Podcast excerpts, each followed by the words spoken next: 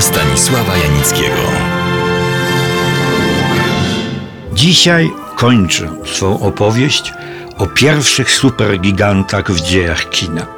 Były nimi supergiganty włoskie, zrealizowane przed I wojną światową. Do historii kina przeszły przede wszystkim trzy supergiganty. Dwa już omówiłem, ostatnie Di Pompei i Kabiria. Trzeci zostawiłem na koniec, bo jest nam najbliższy. Jest nim Quo Vadis. Włoskie tłumaczenie tej niezwykle popularnej powieści Henryka Sienkiewicza ukazało się we Włoszech w 1897 roku, czyli zaledwie w rok po pierwszym polskim wydaniu. Cieszyło się natychmiast ogromnym powodzeniem. W znakomitych książkach o włoskim kinie pani Hanny Książek-Konickiej czytamy. Fabuła była sentymentalnym ekstraktem powieści. Winicjusz zakochiwał się w Ligi i próbował z pomocą Petroniusza zdobyć ją jako niewolnicę dla siebie. Ligia dzięki wiernemu Ursusowi uciekała i chroniła się wśród chrześcijan. Winicjusz odnajdywał ją tam. Tymczasem Neron dla pobudzenia swojej poetyckiej weny urządzał pożar Rzymu.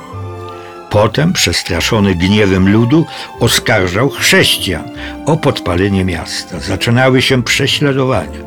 Ligia uwięziona wraz z innymi miała być rozszarpana w cyrku przez dzikie zwierzęta. Ale gdy ukazywała się na arenie, unoszona przez byka, mocarny Ursus rzucał się na zwierzę i zwyciężał je. Na żądanie ludu Neron ułaskawiał Ligię. Nawrócony na wiarę chrześcijańską, Winicjusz poślubiał ukochaną. Petroniusz, oskarżony o spisek przeciwko Neronowi, popełnił samobójstwo. Film kończył się upadkiem i śmiercią okrutnego imperatora.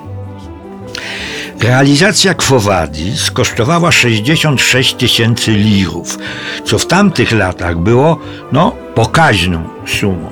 Zyski z eksploatacji były jednak kilkumilionowe.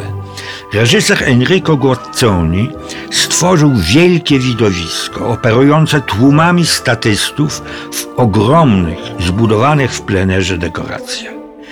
Popisowe sekwencje wyścigi rydwanów, pożar Rzymu, igrzyska, męczeństwo chrześcijan wydawanych na pastwę dzikim bestiom, orgia na dworze Nerona miała specjalną, śmielszą wersję eksportową. Obowiązywały odtąd w każdej z późniejszych licznych ekranizacji tej powieści. Film Guazzoniego odniósł sukces nie tylko kasowy, ale i prestiżowy w londyńskiej uroczystej premierze był obecny król Jerzy V z małżonką. Enrico Guazzoni, reżyser filmu Quo Vadis, zanim podjął przygodę reżysersko-filmową, pracował jako malarz i dekorator. Po Quo Vadis zrealizował jeszcze kilka historycznych gigantów: Juliusz Cezar, Iwan Groźny, Lady Macbeth. Niestety jego późniejsze filmy nie cieszyły się już takim powodzeniem jak te zrealizowane przed I wojną światową. Ostatnim jego filmem w 1943 roku była Żona piekarza. Zmarł w wieku 71 lat.